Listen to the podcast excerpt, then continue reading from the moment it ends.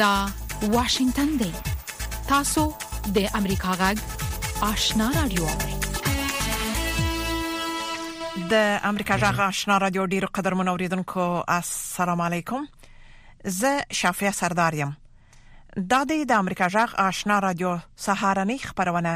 پیل شو لومړی به د دې سات خبرونه ووري ویان سید سلیمان شاه پرون د جمعې په ورځ د ثور یا غوایي په دویمه د قندوز ولایت د امام صاحب ولسوالۍ د مولوي سکندر د جامع جماعت په مدرسه کې د یوې سختې مرګانۍ چاودنې له امله ګڼ شمېر کسان وژل شوي او ټپیان شوي دي. د طالبانو د انتقالي حکومت مطبوعاتي ویاند ذبیح الله مجاهد په کابل کې خبریالانو ته وویل چې په پرونۍ چاودنه کې درې دېرش کسان وژل شوي دي او څلور دېرش تنه نور ټپیان شوي دي خو یوې باخبرې سرچینې د خپل نوم د نه ښودلو په شرط وویل چې لږ تر لږه پنځوس کسان وژل شوي دي او په لسګونو ټپیان د امام صاحب د ولسوالۍ مرکزي روغتون ته د درملنې په غرض انتقال شوي دي. چاودنه د جمعې د لمانځه له ادا کولو نه وروسته هغه مهال وشوه چې د مدرسې شاګردانو مذاکره کوله. تر دې دمه لا کومې ډلې د دغه وژونکي برید مسوولیت په غاړه نه دی اخیستی، خو پخوا چې دا ډول کومې حملې شوې وې، مسوولیت یې په افغانستان کې د داعش د ډلې خراسان څانګې په غاړه اخیستی و. د قندوز د ولایت د اطلاعاتو او فرهنګ رئیس مطیع الله روحاني امریکا غږ ته ویل چې چاودنه شاوخوا درې نیمې بجې وشوه.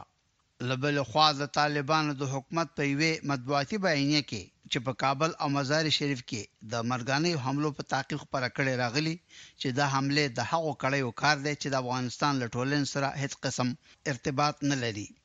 په بیانیه کې ویل شوي دي چې د اسلامي امارت امنیتي ځواکونه د شریر عناصرو د لمنځه وړلو ښه تجربه لري او ډیر ژر به د دغو جنایتونو عاملین پیدا کړي. د جمعې په ورځ د کابل د ښار د دشت برچي د سیمې یو ګڼ شمیر اوسیدونکو د شیعه ګانو پر ښونځیو باندې د دریو پرله پسې مرګانیو چاودنو په خلاف مظاهره وکړله او د ملکي وګړو د وژلو د مخنیوي غوښتنه یې وکړه. په عین وخت کې د طالبانو امنیتي چارواکي وايي چې دوی په مزار شریف کې د شیعه ګانو د سیدوکان په جومات باندې د حملې اصل طراح نیولی دی. نیول شوی کس چې د عبدالحمید سنګریار په نوم معرفي شوی دی، ویل کېږي چې په مزار شریف کې د داعش د خراسان د څانګې خفیه والي و.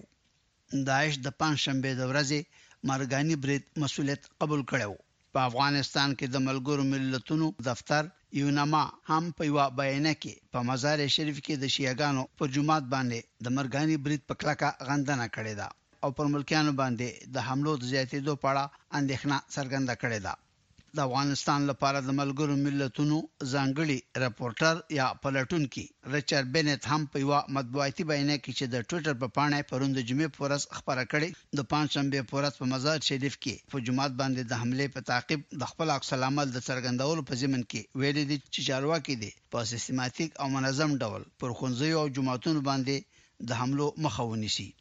او له مجرمانو نه دې پوښتنه وکړي. د افغانستان لپاره د اروپايي اتحاد ځانګړي استازي ټامس نیکلسن هم پرون د جمعې په ورځ د ټویټر له لارې په یوې بیانیه کې په مزار شریف کې د مرګاني برید غندنه کړې ده او د هزاره ګانو پر بشري حقوقو باندې د تیریو د پای ته رسولو غږ کړی دی. د افغانستان پخواني جمهوررئیس حامد کرزي په یوه بیانیه کې د مزار شریف په ښار کې د پنجشنبې د ورځې مرګانی برید د ټولو اسلامي او بشري ارزښتونو په خلاف عمل بللی دی. د راستنېدونکو او د مهاجرینو د چارو وزارت وايي چې ایراني چارواکو په دې وروستیو وختونو کې له هغه هېواد نه په زور او جبر د افغانانو د شړلو عملیات پراخه کړي دي. د دغه وزارت د بیانیې له مخې د پنجشنبې په ورځ له ایران نه څلور زره افغانان بېرته خپل هېواد ته را واوښتل چې د دې جملې نه نږدې درې زره کسان په زور او جبر راشړل شوي وو. د خبري سرچینې وايي چې د بلخ د پخواني والي او د جمعیت اسلامي د مشر عطا محمد نور وراره سهیل زمری د پنجشنبې په ماښام په مزار شریف کې د طالبانو له امنیتي ځواکونو سره له خپل یو ملګري سره یو ځای وژل شوی دی. د عطا محمد نور خپلوانو د سهیل زمري د وژلو خبر تصدیق کړی دی. چارواکي وايي چې سهیل زمري د وسله والو د یوې ډلې مشري په غاړه لرله. د افغانستان بانک وايي چې افغان تاجران او سوداګر کولی شي چې د خوراکي موادو او نورو ضروري اجناسو د واردولو په غرض د بانکونو له لارې پیسې خارج ته انتقال کړي، خو غیر ضروري اجناس او فیشني مواد دې نه واردوي. د افغانستان او نړۍ خبرونه د امریکا غږ واشنګټن اورئ. د متحده ایالاتو جمهور رئیس جو بایډن له اوکراین سره د امریکا د نظامي مرستو په لړ کې د پنجشنبې په ورځ هغه جنګ ځپلي هېواد ته د اته سوه میلیونو ډالرو په ارزښت د اضافي امنیتي مرستو د لېږلو اعلان وکړ. په دغو مرستو کې درانده توپونه، تکتیکي نظامي وسایط او مسلح ډرونونه شامل دي. بایډن دا اعلان په داسې حال کې وکړ چې د یوکراین پوځ د روسیې له سرحد سره نژدې په ختیځه سیمه ډونباس کې له روسي ځواکونو سره په خونړیو جګړو بوخت دی. د ملګرو ملتونو د بشري حقوقو عالي کمېشنره وايي، ښايي چې په یوکراین کې روسي عسکرو جنګي جرمونه کړي.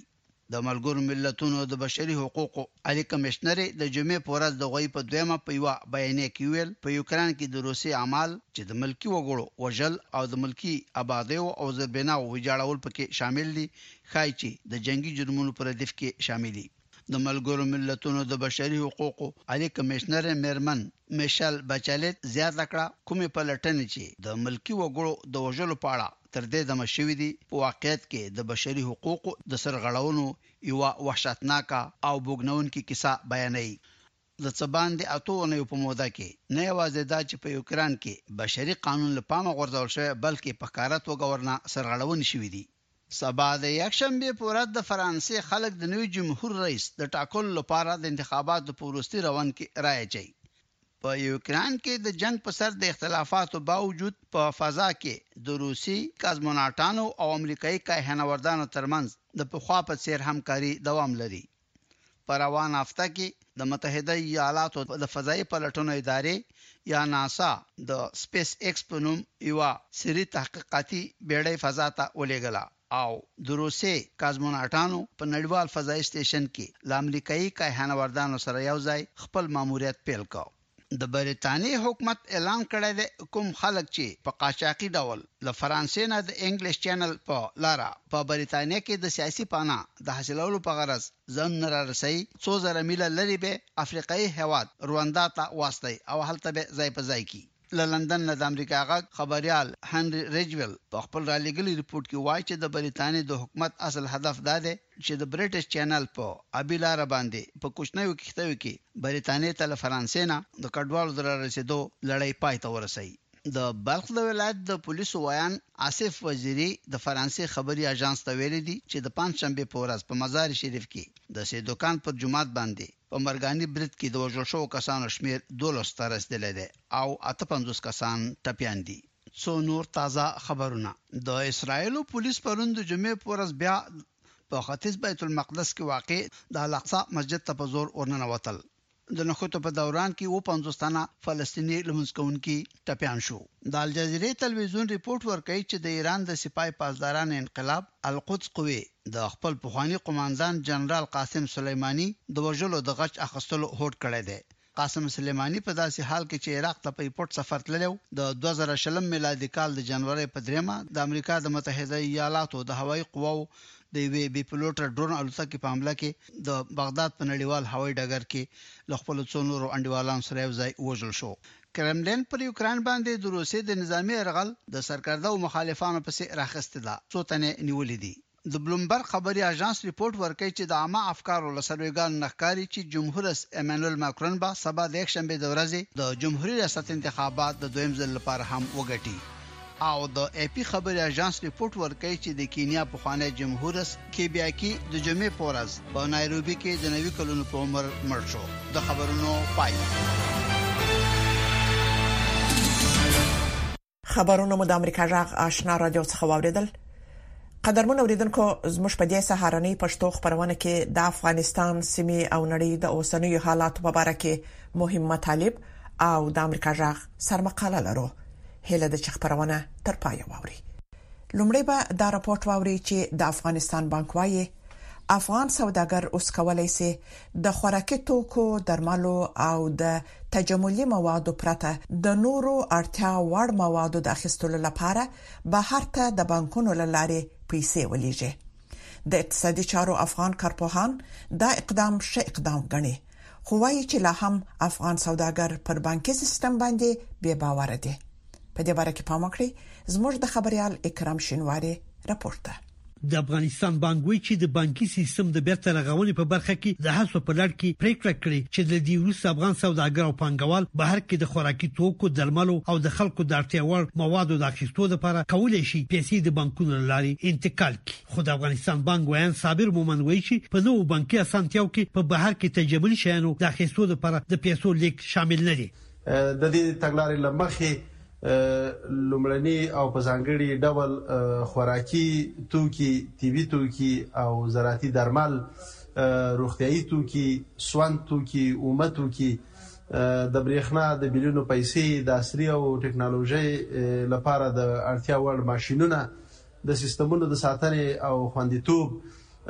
ترانسپورتي او مخابراتي اړینې چوپړتیاوې او ان له هېواده بهر زده کړیالانو لپاره سوداګر او پانګوال کولی شي پرته له تجملي توکو په ټوله کې د خپلې سوداګرۍ د ودې او غښتلتیا لپاره بهر ته د بانکي سیستم له لیارې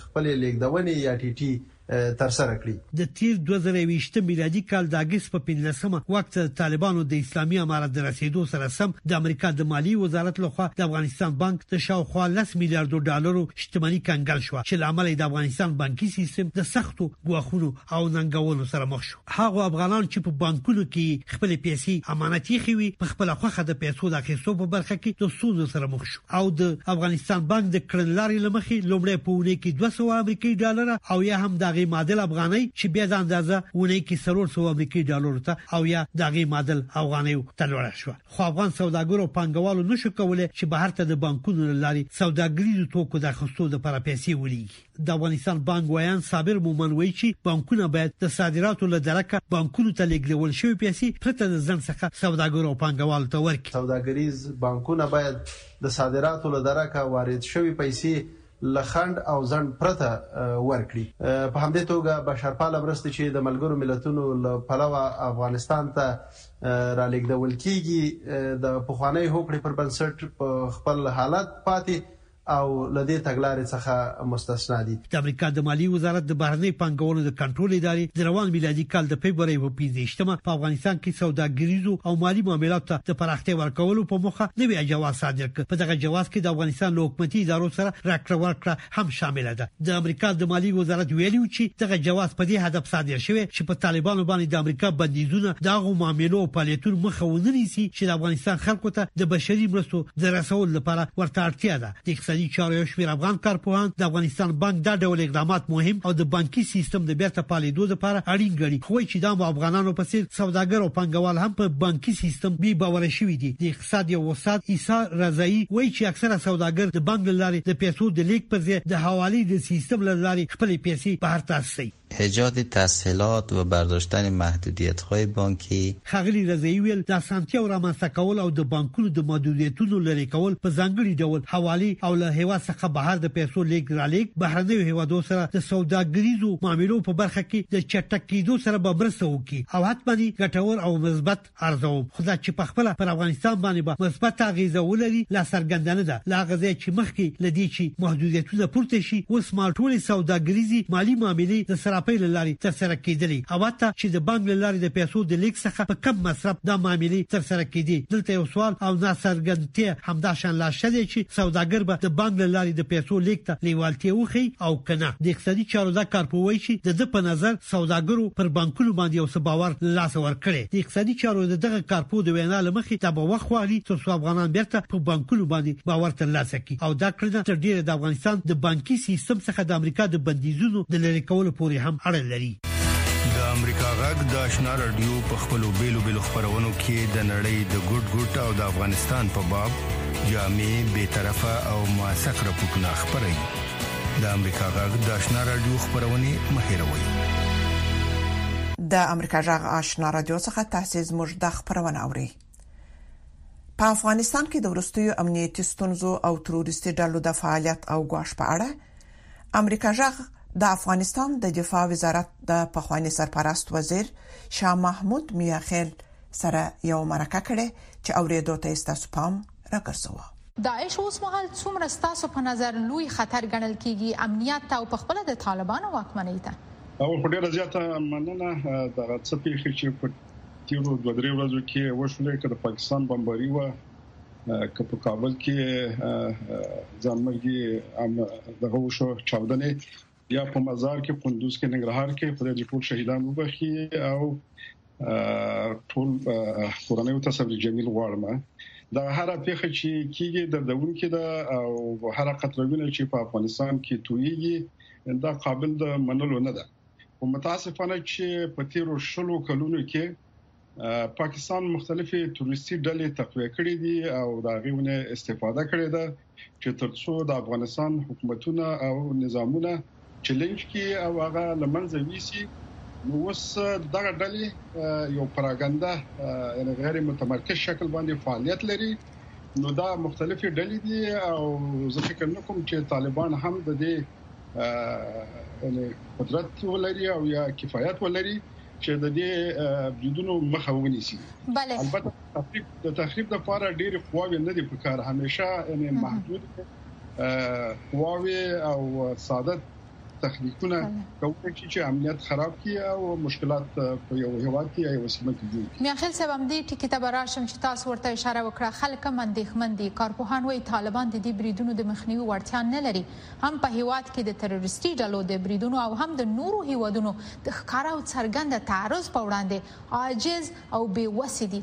ستاسو نظر په تفصیل کله څه موږ سره شریک کاندئ. ښه په دې شلو کالو کې چې وګورو دغه دغه جنګ چې کوم یو روان وو دا ډیر ساده وو ځکه چې مختلفې ډلې تقویه کېدلې د پاکستان لخوا هغه داعش وو لشکر طیبه وه فرضاً په خپل طالبانو ټي ټي پی او بعضی ډلې د ټي ټي پی چې هغه پاکستان ته وفادار وو د دې وظیفه دا و چې فقط تخریب وکي وجل وکي تاسیسات وران کړي جماعتونه وران کړي انتحاري عملی وکي نو دغه په خپل یو نو کلچر جوړ ک د تخریب نو وس طالبان نشي کولای چې دا متفرقه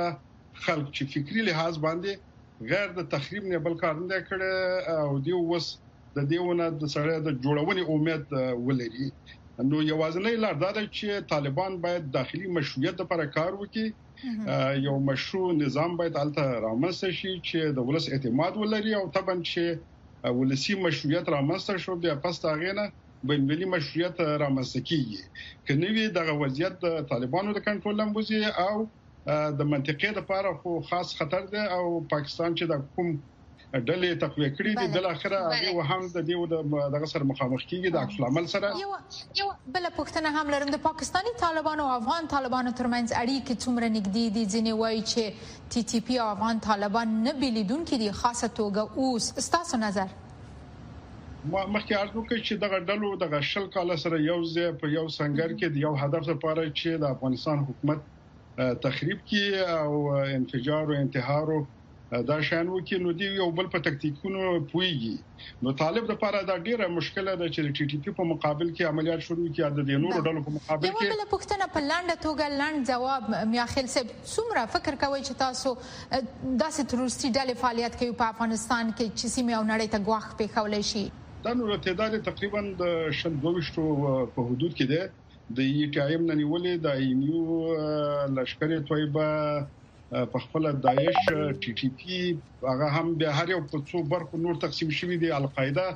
دا ټول هغه شیان دي چې یعنې طالب تر اوسه پورې په دې اته میاشتو کې کوشش وکړی چې د دې ونه خپل ځان جدا کړي. کور ودان ډیره زیاته مننه کوم له تاسو نه میاخیل صیب خوشحاله او په خپلو چارو کې بریالي اوسئ مننه.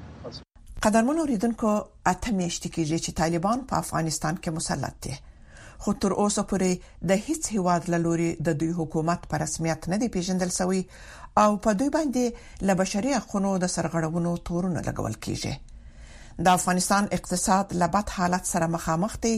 او د پاکستان له خوا د وروستیو هوایي بمباریو په ګډون په کابل او نورو ولایتونو کې امنیتي پیښې هم زیاتې شوې دي. پوښتنه دا ده چې آیا طالبان کولای شي چې د افغانستان خپلواکي او امنیت وساتي؟ د شنبې په ورځ د پاکستان الوتکو د خوست په ولایت کې هوایي او په کونړ کې راکټي بریدونه کړي دي. په یادو بریدونو احتجاجي مظاهرې روانې وې چې ترهګرې ډلې داعش خراسان ادعا وکړه چې د افغانستان بلخ ایالت نه د پولي بل لورته په ازبکستان کې په ازبک ځواکونو راکټونه ورويشتي دي دا پیخي نړۍ غونډي هوادونه او افغان ولسته څه پیغام ورکوي لومړی خو دا خبره واضح ده چې طالبان افغانستان په بشپړ ډول خوندي ساتلی نشي که طالبانو ته څه نوم ورپاتې وي نو دا بریدونه به هغوی بدنامه کړي افغانستان کې د پخوانیو چارواکو په ګډون افغان مشران دا پوښتنه کوي چې په افغان خاوره باندې شوي تیري ته ستاسو ځواب څه دی؟ دا پوښتنه ولس هم کوي. طالبان وايي د بهرنیو ځواکونو په وړاندې له کلونو جګړه کولو وروسته یې هغوی له هیواد څخه په زور بهر ویستي دي او ادعا کوي چې د ټول هیواد امنیت یې خوندي کړی.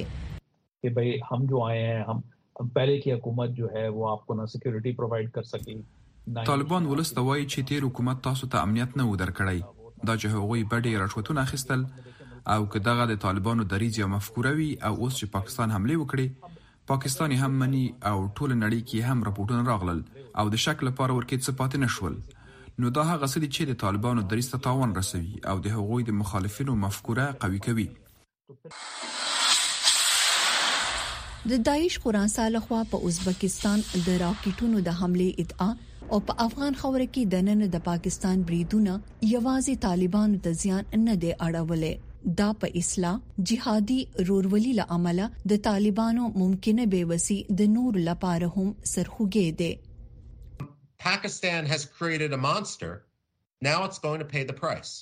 پاکستان یوه بلا پیدا کړې او اوس به د دې تاوان ورکوي. دا هېرول چې اور د کوم ځای نه پیل شوی، دا د اور د خپرېدو مخه نه نیسي. امریکا هم ډېر په ګرانه دا زده کړه. د زلمي خلیلزاد په دې خبره موږ باور وکړ چې طالبان به د ترهګرو سره اړیکې نه لري. دا بیخي ناسمه خبره ده ځکه چې څنګه به یو ورور د خپل ورور سره یا د تر زوی د تر زوی سره اړیکې پرې کړي. طالب چارواکو په افغان خاوره د پاکستان تیری غندلی، کابل کې د پاکستان سفیر ته احتجاج کړی او غواښي هم ورکړی چې کله بیا تیری وشي نو سخت جواب به ورکوي، د طالبانو سخت جواب څه کیدای شي؟ اب وو پاکستان کو بهی ناراض نهي کر سکته. طالبان پاکستان خفه کولی نه شي. يوه حده پورې د پاکستان مخالفت کولی شي، ويناوې کولی شي، د دې نه اخوا څه کولی شي؟ که د پاکستاني طالبانو خلاف ګامونه اخلي نو هغه هم ورته زيان رسولی شي. د پاکستان خلاف هم څه نه شي کولی، ځکه د پاکستان له لارې هغوی د نور نړي سره په تماس کې دي. د پاکستان او افغان طالبان له یو بل سره تړلي دي. پاکستان یې هم خلاف ډېر څه نه شي کولی، ځکه چې بیا به د افغان او پاکستان دواړو طالبانو پر ضد جګړه کوي. په افغان خاوره د تېري وروسته پاکستان ویلي د افغانستان د خپلواکۍ احترام کوي، خو وايي افغان خاوره باندې د ترهګرو فعالیتونه د سیمې ثبات زیانمن کوي. د امریکا جغ آشنا رادیو څخه راپورټونو ته دوام ورکوه په خوست کې شل داسې ګرځنده موبایل صحي ټیمونه ګمارل شوې دي چې په لیر پروتو سیمو کې د نورو روغتيایي خدماتو ترڅنګ ماشومان ته د پولیو واکسین هم تطبیقوي د خوست د عامه روغتیا ریاست چارواکي وایي دوی په اطرافي او نسبتا لري پروتو سیمو کې د موبایل ټیمونو لارې خلکو ته صحي خدمات او د ګوزڼ واکسین تطبیقوي چې مثبت اغیزې یې پرې ایښي پام وکړئ په دې اړه د منیر بهار رپورت ده د صحي خدماتو او پولیو واکسین د تطبیق دا بهیر په خوست کې له څه مودې را په دېخوا پیل شوی چې خلکو ته د موبایل ټیمونو په مرسته صحي خدمات وړاندې کیږي. د عامه روغتیا ریاست مسؤلین وايي، په صحي خدماتو کې تر پنځو کلونو کم عمره ماشومانو ته د پولیو واکسین هم شامل دی چې په لرې پرتو سیمو کې تطبیقیږي.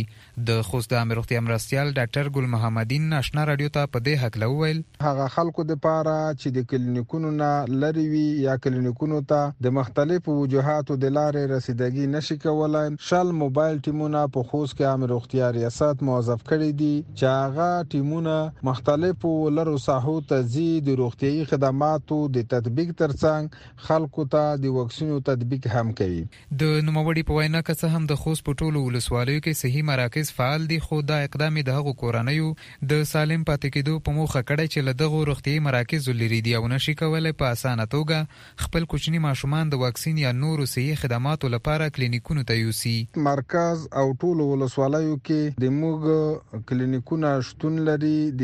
سب سنټر لیول نه ونیسه تر. صحي پوسته او د سي اي سي، سي اي سي پلس پورې چې په دې ټولو روغتیايي مراکزو کې د واکسینو تطبیق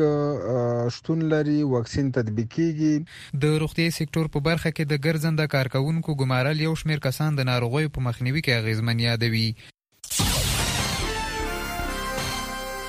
قدرمن اوریدونکو دا دی اوس به د امریکا غږ سرمقاله واوري چې د امریکا د حکومت نظر څرګندوي.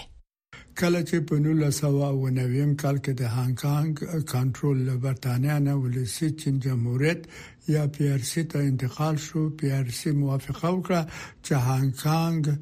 یو هېواد د دوو سیستمونو د اصولو له مخې اداره کوي. د سینو برتانیا د ګډې اعلامیې په قول د 50 کال لپاره به دغه ښار د لوړې اندازې خودمختارۍ نه برهمن وي په غیر د خارجي او دفاعي چارو نه او هغه قوانین چې اوس په هانکانګ کې تطبیقېږي په اساسي توګه به په خپل ځای وي او بدلون به پکې نه راځي. مګر په داسې حال کې د امریکا د بهرنیو چارو د وزارت د هانګ کانګ د پالیسۍ د لایحې رپوټ ښيي، پي ار سي په دغه ښار باندې خپلې منګولې ټینګوي، په داسې حال کې د بیجینګ تماسونو ته د هانګ کانګ د تسلیمولو پنځه ویشت مه کلیزه ده. د بهرنیو چارو د وزیر انتون بلینکن په قول په تیر یو کال کې د ولسي چین جمهوریت د هانګ کانګ د دیموکراتیکو موسسو په ویجاړولو لاس پورې کړی دی، په قضایي سیستم باندې بې سارې فشار راوستی دی او علمي، کلتوري او د مطبوعاتو ازادي یې خفه کړې ده. د هانګ کانګ ازایادي کمیږي، په داسې حال کې پي ار سي خپل قانون ټینګوي. راپور څرګندوي، د پي ار سي چارواکو تېر کال داسې اقدامات وکړل چې د هانګ کانګ د ډیموکراسۍ د طرفدارو مخالفینو قابلیت یې له منځه یووړ چې په حکومتولۍ کې د معنا نه ډک رول ولوبوي د بیجینګ یا د محلي ادارې سوله ییز سیاسي انتقاد کوونکي مجرمان ګڼل شوي وو. د هانګ کانګ د انتخاباتو په سیستم کې پراخو بدلونونو د هغو سیاسي ډلو چې د بیجینګ له خوا تایید شوي نه وي مخه نیول کېږي چې په انتخاباتو کې ګډون ونه کړي او د هانګ کانګ د رای ورکوونکو قابلیت ډیر کم شوی دی چې د خپلې خوښې استازی وټاکي. چارواکو د فشار د نورو اقداماتو نه علاوه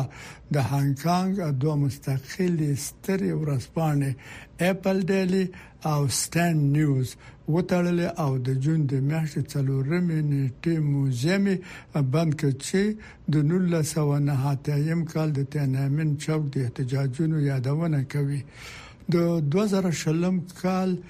د ملي امنیت له قانون نه د بهانې په حیث کار اخلي، چارواکو د څه باندې یو سلو شپېتو کسانو او سازمانونو په خلاف تورونه ولګول، په دغه شمېر کې هغه فعالین او سیاستوال شامل دي چې د دوه زره او یوویشتم کال د فبروري په میاشت کې د دې لپاره بندیان شوي وو چې لومړني انتخابات وکړي چې هغه کاندیدان انتخاب کړي چې د قانون جوړونې د شورا په انتخاباتو کې به د دیموکراسۍ د طرفدار کمپ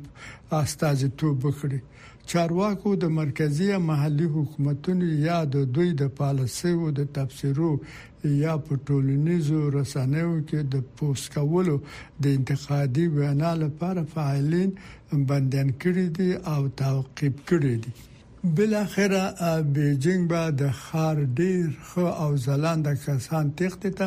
مجبور کړي، دا د هانګ کانګ شهرت پیکه کوي او سیالي یې کمزورې کوي. یوه بشپړ فعاله مدني ټولنه د قانون حاکمیت او فردي ازادي اساس جوړوي چې په هغې باندې خوځنده او انګازورې ټولنې وده کوي. د بهرنیو چارو وزیر بلینکن څرګنده کړه، موږ د هانګ کانګ د خلکو سره ولاړ یو. تاسې د امریکا غږ سرمقاله واورېده چې د امریکا د حکومت رسمي نظر یې څرګند کړ.